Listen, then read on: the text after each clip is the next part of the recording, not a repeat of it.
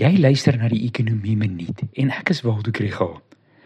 Een van die risiko's vir Suid-Afrika se inflasievooruitsigte is die olieprys en rand-dollar wisselkoers.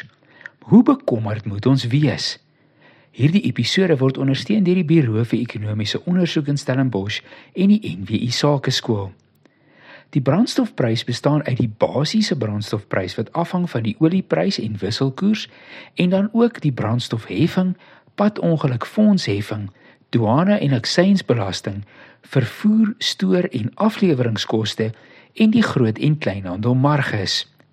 Ons hoor gereeld oproepe vir die deregulering van die prys, maar op die oomblik dra die brandstofheffing ongeveer R4 per liter by tot die prys en die ander heffings R2.20 per liter. Dit is die basiese prys wat sedert 2020 baie toegeneem het. Oor die laaste maand is die olieprys rondom en bo 90 dollar per vat en dit is amper 30% meer as die laagtepunt vroeër die jaar.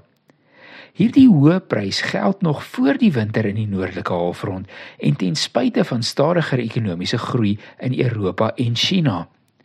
Die oorsake is dinge soos die vermindering van produksie in Saudi-Arabië en Rusland en tropiese storms in die VSA wat produksiefasiliteite geraak het.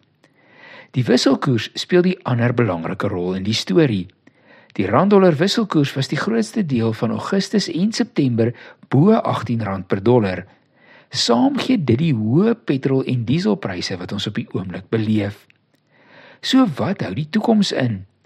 Dit lyk op die oomblik of Opel en internasionale politiek die oliepryse hoog gaan hou. Ons binnelandse uitdagings rondom die begrotingstekort en staatsskuld gaan waarskynlik die rand swak hou.